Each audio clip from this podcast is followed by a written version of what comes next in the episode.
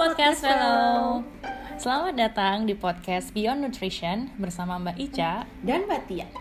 Podcast ini mau mengajak semua teman-teman untuk belajar lebih jauh tentang kuliah, riset, dan karir di bidang gizi dan kesehatan. And maybe finding yourself along the way. So, join us and enjoy the ride to the world of nutrition and beyond. Halo teman-teman semua, selamat datang lagi di podcast Beyond Nutrition bareng Mbak Ica dan Mbak Tia. Akhirnya nih setelah vakum cukup lama ya Mbak Tia, kita ya. balik lagi dengan episode interlude. Maafkan. Ya, kenapa sih kita panggilnya interlude? Soalnya uh, jadi ide topik dari episode ini tuh muncul di tengah-tengah seri episode penelitian kualitatif kita yang kemarin gitu. Hmm. Tapi jangan khawatir sih karena seri episode yang penelitian kualitatif itu akan tetap lanjut dan sejujurnya sekarang lagi dipersiapkan ya Mbak Tia ya? Iya, jadi tunggu aja ya teman-teman. Ini kebetulan kita tahu punya ide ini, jadi muncullah episode interlude ini. Nah, di episode kali ini uh, judulnya kan Future Unlimited in Pursuit of Knowledge gitu. Nah, apa sih maksudnya gitu ya? Kenapa kita sebut Future Unlimited? Jadi sebenarnya uh, mungkin ini ditujukan untuk adik-adik S1 kita yang udah lulus gitu ya Mbak Tia ya? Atau yang mau lulus. Atau yang mau lulus benar. Jadi kita tuh pengen memberikan gambaran ke mereka gitu loh. Kalau setelah mereka lulus S1 nanti uh, masa depan mereka future-nya tuh unlimited gitu jadi kayak yeah. mereka tuh sekarang ibaratnya nih mereka lagi di persimpangan jalan oh. terus mereka bisa pilih ke mana aja gitu mm. masa depannya mau mau dibawa ke mana sih itu terserah mm. mereka gitu nah salah satunya itu yang terkait sama knowledge ini gitu loh yeah. jadi uh, kita pengen ngobrolin tentang studi lanjut sekaligus beasiswa jadi salah satu uh, persimpangan jalannya nih gitu siapa tahu mereka pengen hmm. melanjutkan sekolah gitu ya di, uh, mungkin di samping kerja dan lain sebagainya iya karena sekarang juga kayaknya timingnya lagi pas ya mbak Tia ada beberapa beasiswa yang lagi buka pendaftaran nih gitu hmm. jadi kita pikir uh, yaudah yuk kita ngobrolin ini disempetin di tengah-tengah episode penelitian kualitatif kemarin. Benar, kayak tadi yang dibilang Mbak Ica ya, jadi um, masa depan kita itu gak ada batasnya. Yes. Batasnya itu adalah batasan imajinasi kita gitu. Jadi nanti lulus itu bisa macam-macam, bisa lanjutin sekolah lagi, lanjut sekolah juga pilihannya macam-macam, bisa di dalam negeri, bisa di luar negeri.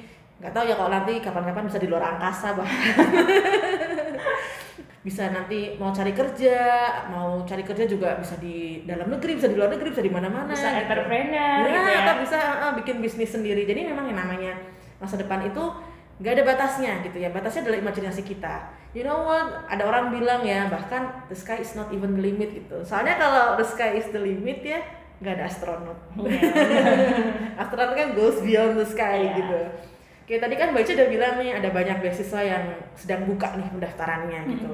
Jadi uh, buat teman-teman yang mungkin sempat nih sekarang kita kita nih lagi bikin episode ini pas lagi imlek sih ya jadi pas lagi libur. Nah siapa tahu pas lagi, lagi libur-libur kayak gini sambil browsing-browsing di internet di Instagram gitu uh, atau di sosial medianya. Ini yang lagi buka misalnya Fulbright. Fulbright itu buat yang master dan PhD masih buka sampai kapan uh, sampai tanggal 16 Februari.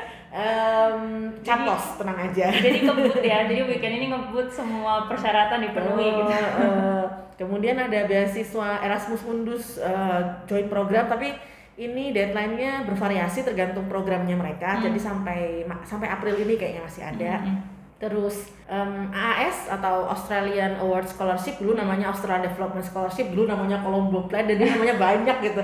Sekarang namanya AAS AS ini deadline-nya 30 April. Masih nah, lama ya. Nah, nanti kita bahas deh tentang beberapa beasiswa ini. Terus uh, ada Ajinomoto. Tahu kan teman-teman Ajinomoto? Sudah micin. Kalau kata ada ibunya deh. Ajinomoto juga lagi buka. Uh, kemudian ada Swiss uh, Government atau Swiss Excellence Scholarship. Ini ada Stunet, Stunet ini buat ke Belanda. Ada Turki bus lari ini buat ke Turki ini juga kayaknya deadline-nya sudah mendekati ya 20 hmm. Februari ini kayaknya. Nah, at least dia masih lebih lama daripada Fulbright. Kemudian ada Swedish uh, Government Scholarship, terus ada VLIR UOS. Saya nggak tahu cara baca, aku nggak tahu cara bacanya nih yang VLIR hmm. ini. Um, dia di Belgia. Okay. Gitu.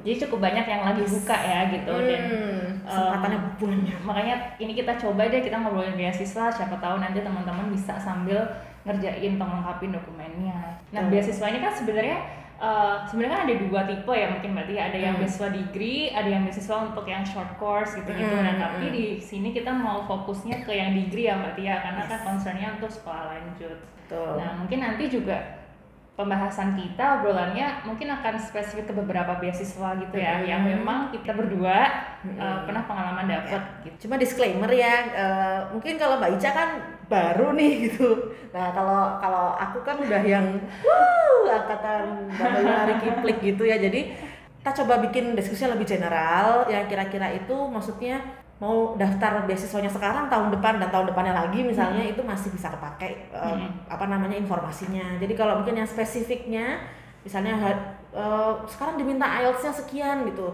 Zaman saya dulu nggak segitu, tapi kan zaman saya zaman bahla gitu misalnya. Nah, itu nanti teman-teman tetap harus kembali baca di websitenya beasiswa tersebut. Ya jadi kemarin nih kita udah sempet taking questions ya mbak Tia di Yes, Instagram. Mm-mm. Jadi banyak juga yang kemarin nge-DM kita juga, terus ada Mm-hmm. juga yang nulis di komen ya, di komen Mm-mm. postnya. Makasih ya buat semua Iya. pertanyaan dan komentar-komentarnya. Ya, makasih banyak dan kita udah collect jadi satu. Nah, sebenarnya secara secara garis besar buat episode kali ini nanti tuh obrolan kita akan kita bagi menjadi tiga eh, tiga fase gitu ya istilahnya. Biar yang- flow-nya enak sih. Iya, biar lebih enak ngikutinnya. Jadi yang pertama kita mulai dari fase yang namanya sih uh, pre-decision gitu. Jadi itu sebelum kita memutuskan nih mau Hmm. S2 tuh apa aja sih sebenarnya yang harus kita pertimbangkan gitu. Mm-mm. Selanjutnya itu eh, setelah kita memutuskan. Jadi em, tadi kan kita masih pertimbangan mau berangkat, Mm-mm. mau sekolah di luar negeri enggak, mau cari beasiswa enggak gitu ya. Setelah kita akhirnya mantap memutuskan apa yang perlu kita lakukan, habis itu kita nanti eh, persiapan. Jadi tetek bengeknya, kemudian niti gridinya itu apa sih yang perlu disiapkan pada saat kita ngelamar beasiswa dan ngelamar sekolahnya gitu. Tapi kayaknya sebelum kita sampai ke situ nih, kita perlu cerita dulu deh. Kita tuh maksudnya emang qualified gitu ya Mbak buat ngomongin ini. Eh, Mbak Ica cerita dulu deh, Mbak Ica beasiswanya eh, pernah dapet apa, pernah ditolak apa, dulu ceritanya gimana sih? Iya, sebenarnya kalau untuk beasiswa degree ya Mbak, Hmm. uh, aku alhamdulillah belum pernah ditolak sih. Karena aku cuma daftar satu. Dan langsung diterima. Iya, jadi waktu itu aku daftar LPDP dan alhamdulillah langsung keterima di tahun 2016. Hmm, oke. gitu. Nah, kalau Mbak Tia ini kayaknya lebih lika-likunya lebih panjang.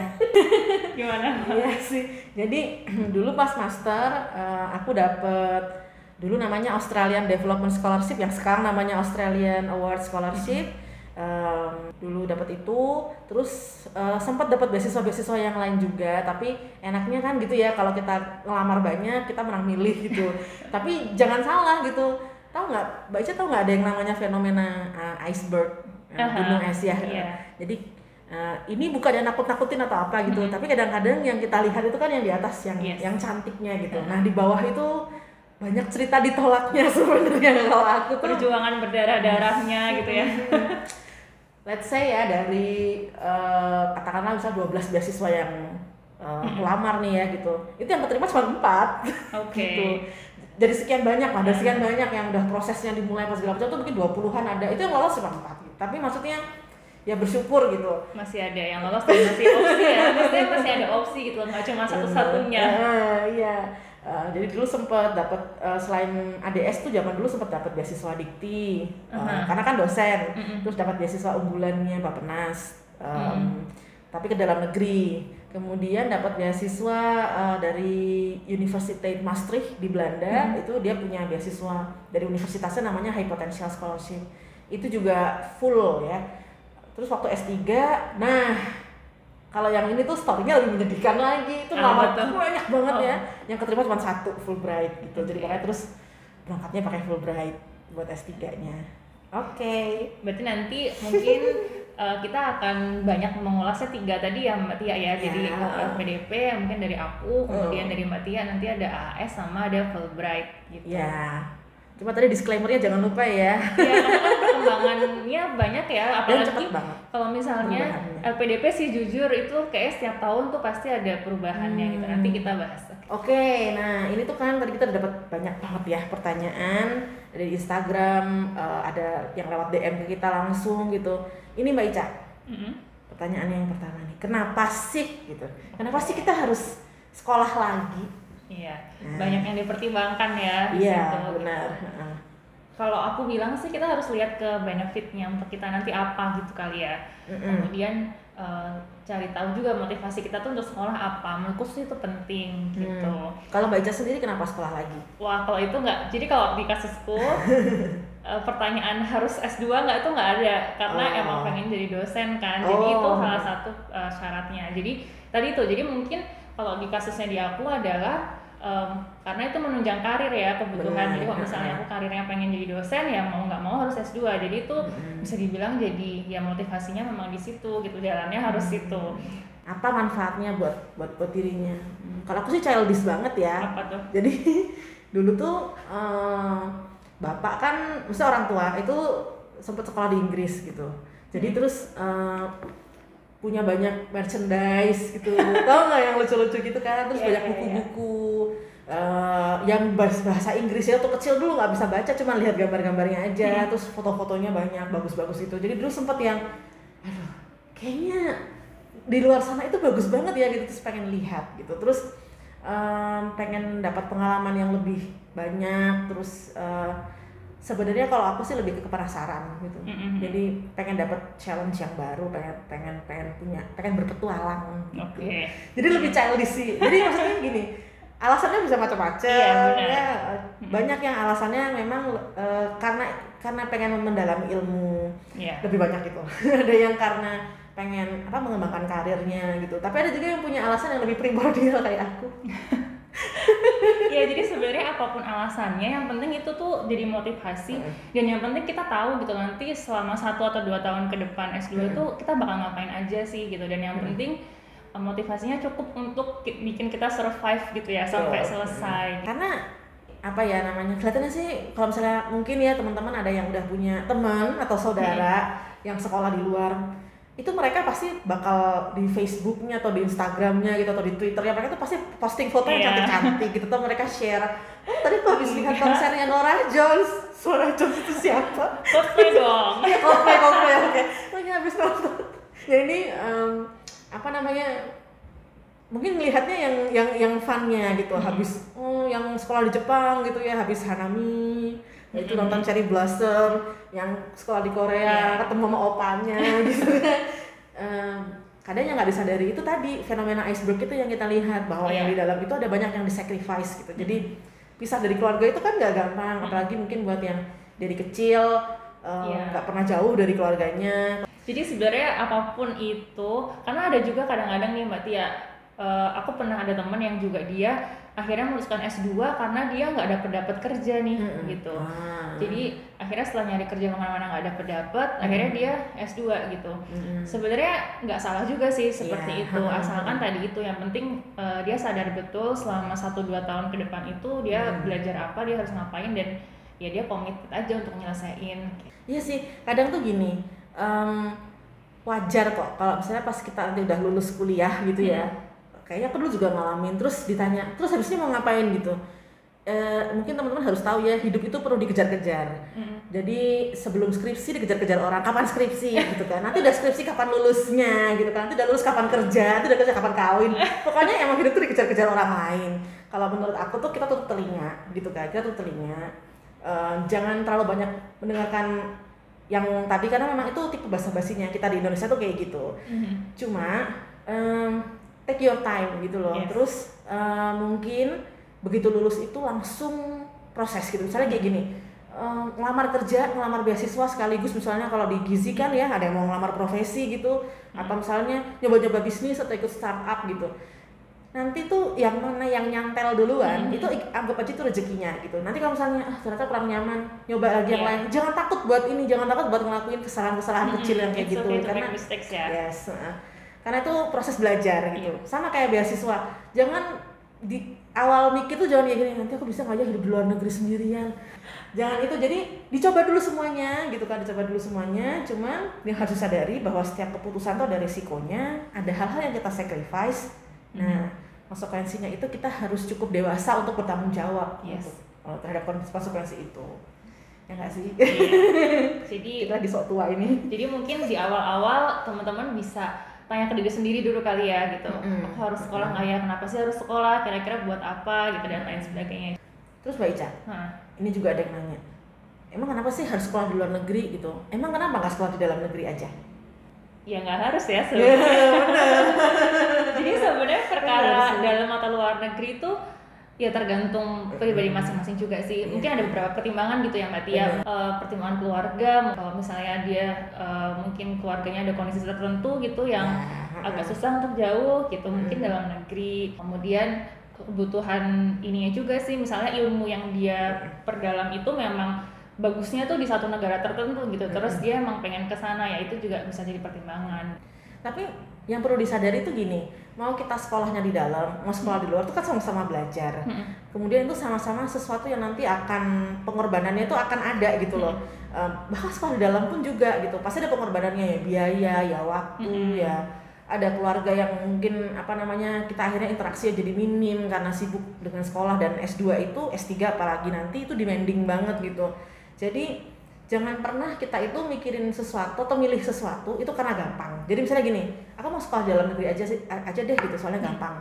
Atau nanti aku mau sekolah di luar negeri aja deh biar bisa jalan-jalan.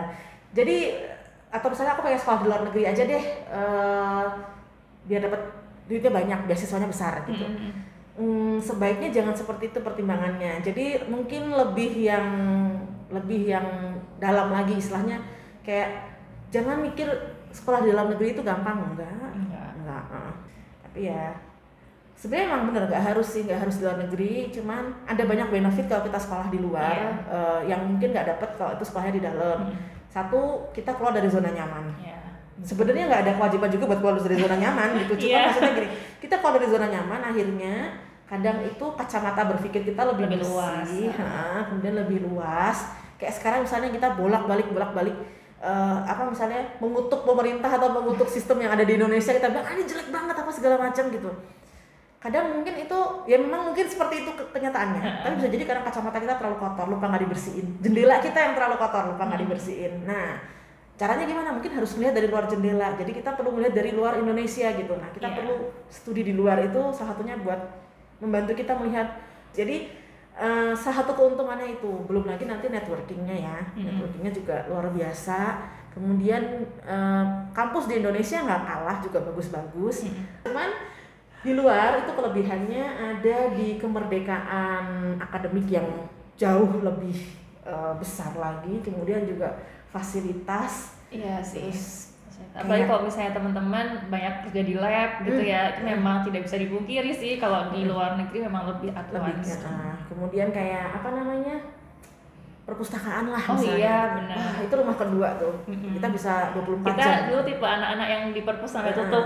tapi bukan bukan berarti kita nerd atau maksudnya yang nggak gaul gitu karena emang gaul di perpus gitu keren ya Iya, iya. Oke. Ya, mungkin fasilitas kalau misalnya memang yang dicari itu ya bisa dipertimbangkan ke luar negeri. Jadi banyak pertimbangan sih sebelum kita mau milih mau ke luar negeri atau dalam negeri. Dan nggak ada keputusan yang salah sih. iya ngelanjutin belajar aja itu udah sesuatu keputusan yang luar biasa keren Eh, kalian harus bangga kalau nanti mutusin mau sekolah di mana mau sekolah lagi itu tuh udah karena dengan kita sekolah lagi itu berarti kita memperkaya diri sendiri kita investasi ke diri sendiri dan Iya. itu investasinya nggak hilang oke oke ini pertanyaan juga nih Nah, sekarang kalau udah menentukan nih mau studi di luar atau dalam negeri Hmm. gitu ya. Ini ada pertanyaan kayak gini nih Mbak Ica nih. Hal-hal apa aja sih yang perlu dipertimbangkan dalam memilih universitas atau jurusan? Jadi maksudnya kita harus milih jurusan apa sih? Apa ya? Kalau aku dulu sih karena lanjutin dari S1 ya Hmm, berarti ya, ya hmm. gitu. Kita bilangnya linear ya Mbak ya. Iya, linear Oh, oh. dengan kebutuhan kita lah Hmm. gitu ya. Sama sih kayak buat eh, teman-teman yang pengen berkarir di bidang akademik ya, misalnya kayak jadi dosen atau jadi peneliti. Isu linearitas ini salah satu isu Iya, yang penting. em, agak kritikal gitu. Jadi misalnya mungkin agak sulit kalau misalnya tadinya teman-teman belajar bisnis gitu terus tahu-tahu S2-nya pengen belajar teknik sipil gitu. Hmm, hmm. Em, kemudian S3-nya nanti pengen belajar nggak tahu matematika murni gitu. Meskipun mungkin jadi gini, yang penting tuh sebenarnya tadi tuh tu- kita punya kepentingan apa sih sekolah gitu. Kalau memang ini buat pengembangan karir, memang tadi benar yang bilang Mbak Ica, jadi harus sebaiknya linear. Mm-mm. Cuma jangan sampai isu linear ini seperti jadi kayak kotak yang ngebatasin kita Hmm, gitu jadi batas. kayak oh, jadi kayak kerangkeng gitu contohnya kita berdua sih sebenarnya ya kita ini kalau dibilang linear ya linear tapi gini pilihan buat belajar di S2 itu ada banyak gitu kita, kalau kita hanya bisa ngebahas dari gizi aja ya mbak Iya. ya jadi gizi itu kan secara klasik dibagi tiga ya kan Hmm. ada yang arahnya ke food service management ada yang Hmm. arahnya ke clinical nutrition ada yang arahnya tuh ke health. community nutrition atau public health nutrition nah kita berdua kebetulan ada public health nutrition misalnya buat yang ngambil gizi buat nanti S2 nya terus mau ngambil gizi masyarakat Mhm. misalnya gitu ya itu ada banyak branch yang bisa di Iya. yang bisa diambil salah satunya misalnya exercise gitu Mhm. exercise science gitu atau misalnya kinesiologi ada terus eh, kalau dulu waktu di Kansas namanya soalnya kinesiologi Iya. terus misalnya bisa ngambil arah eh, health policy Mhm. health service management economic evaluation Iya. kalau aku sendiri kemarin ngambilnya international public health jadi itu lebih ngebahas mengenai ilmu-ilmu pembangunan Mhm. jadi sebenarnya ketimbang belajar gizi makanannya Mhm. gitu ya. Aku tuh sama sekali nggak belajar karbohidrat nggak belajar protein. Em, waktu aku S2 itu yang, yang banyak dibahas tuh malah tentang isu pembangunan misalnya Iya. GDP Gini koefisien kemudian Kali Dali dis- disability adjusted life years kemudian bagaimana nutrition itu eh, apa namanya punya kontribusi ke isu pembangunan gitu. Jadi eh, kita yang namanya isu linearitas itu jangan terus mengkotakkan bahwa hanya itu yang bisa kita pelajari. Nah teman-teman yang mau belajar uh, food service management misalnya, jangan berpikir terus cuman bisa belajar um, nggak tahu apa ya man- ilmu manajemen aja gitu. Ada banyak hospitality management misalnya Mhm. tentang perhotelan kemudian sesuatu yang sifatnya komersial. Terus bisa um, mungkin ambil juga consumer science. Iya, Ini itu iya. ilmunya masih underdeveloped ya di Indonesia. Jadi teman-teman yang di ekonomi mungkin belajar ya di marketing belajar, Hmm. tapi mereka kan nggak belajar consumer science dari sudut pandang gizi. gizi. Hmm. Jadi bisa aja nanti pas S2 tuh malah masuknya ke Faculty of Economy Yes. gitu ya Mbak. Jadi Hmm, bisa hmm. bisa ke fakultas lain tapi Hmm. memang nanti kacamata atau eh, apa namanya sudut pandang yang diambil tuh gizi Mm-mm, gitu. mm-mm. Jadi eh, jurusan apa yang harus diambil? Eh, pertimbangannya yang pertama adalah kebutuhan kita. Kalau Mm-mm. memang misalnya sudah kerja eh, dan jujur aja, aku sebenarnya lebih nyaranin buat teman-teman itu habis S1 kerja dulu atau cari pengalaman dulu baru Mm-mm. S2. Soalnya S2 apalagi kalau di luar negeri itu kan kita suka di, suka di apa kalau cuma satu dari Indonesia nih gitu kan. Gimana di Indonesia? Gitu kan. Suka digituin. Dulu aku suka digituin karena kebetulan satu kelas yang Indonesia cuma Iya, aku iya. doang gitu kan. Makanya kalau misalnya udah punya pekerjaan kita atau lihat mungkin nggak cuma pekerjaan mungkin bisa magang-magang di Ya, penelitian benar. dosen-dosen. Nah itu juga bisa tuh. Mestinya nggak harus yang kerjaan yang Eh, benar benar, ada kontraknya gitu ya berarti ya Ah, ah, pokoknya ah, intinya ah. ada pengalaman kita eh, di luar bangku kuliah. Iya, gitu. Uh, bisa jadi macam-macam. Bisnis juga termasuk. Volunteering gitu Iya, ya volunteering ya. kayak macam Indonesia mengajar atau Nutras Iya, Nu- bisa. Nusantara sehat. Ya namanya itu ya benar kan? Nusantara Sehat. Nah itu. Tapi gitu tadi pertimbangannya sebenarnya pertimbangannya kembali ke diri sendiri. Kita senangnya apa? Gitu. Mhm. kita senangnya apa? Kita mampunya apa? Habis itu kita butuhnya apa? Itu Yes. kita melihat kantor lagi minta apa sih yang nggak ada tuh apa kemudian mungkin kita bisa menyasar hmm, area yang bikin kita nanti unik unik gitu jadi Mhm. kayak em, apa sesuatu yang di kantor itu misalnya belum ada gitu Iya. kalau di public health misalnya belum ada yang mendalami antropologi padahal antropologi itu Mhm. luar biasa kalau dibahas dari sudut pandang budaya makan dan gizi gitu mungkin ada yang pengen sekolah di situ atau biostatistik misalnya wah kita nggak bisa ngomongin gizi nggak ngomongin statistik gitu Iya, kan iya. nggak bisa ngomongin kesehatan nggak ngomongin statistik enak sih jadi orang yang unik gitu jadi Iya, pasti dicariin. ada apa-apa mesti eh, kamu aja gitu jadi itu satu pertimbangan juga intinya kalau unik tuh lebih bisa banyak berkontribusi gitu ya Ya, Gitu. dan ya kita nggak mungkin left behind karena Iya. ada apa kita pasti diajakin. Em, ini ada juga nih pertanyaan berikutnya nih Mbak Ica nih, apa aja sih yang harus kita pertimbangkan sebelum memutuskan untuk melanjutkan sekolah? oke eh, tadi sebenarnya sudah beberapa Iya dibahas juga Atau ya, mungkin yang ya. harus kita siapkan kali ya. Iya. Heeh. Kalau aku sih ini satu hal yang aku pengen di- pengen tekankan juga ya Mbak Tia. Hmm. Yang harus kita persiapkan itu selain misalnya kayak waktu ya pasti ya waktu, tenaga, pikiran, tapi itu juga kita harus mempersiapkan finansialnya Hmm. gitu. Karena untuk persiapan itu yang nggak bisa dipungkiri juga karena Hmm. pasti akan keluar uang ya buat Benar. menyiapkan ber- berkas-berkas dan dokumen-dokumennya. Itu loh, no pain no gain. Iya Ya kan? benar. Jadi memang bukan terus masuknya uh, nanti kalau dibandingkan dengan beasiswa yang kita dapat, apa yang kita keluarkan tuh nggak ada Iya apa-apanya. Tapi memang harus ada kasar tuh harus ada modal di awal Mm-mm. gitu. Karena paling nggak buat tes bahasa Inggris, buat belajar bahasa Inggris, buat masukin lamaran kayak Fulbright kan masih butuh lewat pos ya dikirimnya. Nah itu kan juga ngirim pakai pos kan juga pakai uang gitu. Apa ya no pay no gain. Jadi memang harus ada modal di Iya. awal benar sih. Ya, harus invest waktu juga gitu ya banyak harus waktu yang mempersiapkan banyak hal keluarga juga pekerjaan juga Eh, banyak hal sih yang mesti dipersiapkan eh, sebelum kita akhirnya memutuskan bahwa oh ya saya siap buat sekolah lagi gitu faktor kesehatan juga perlu dipikirkan Mm-mm. Mm-mm. Jadi intinya kita harus make sure kalau lingkungan sekitar kita tuh mendukung kita nanti kalau kita mau lanjut sekolah gitu ya Hmm. Mbak Tia. iya Karena durasi yang terlalu panjang, episode Future Unlimited in Pursuit of Knowledge terpaksa kami pecah menjadi beberapa bagian. Selamat mendengarkan.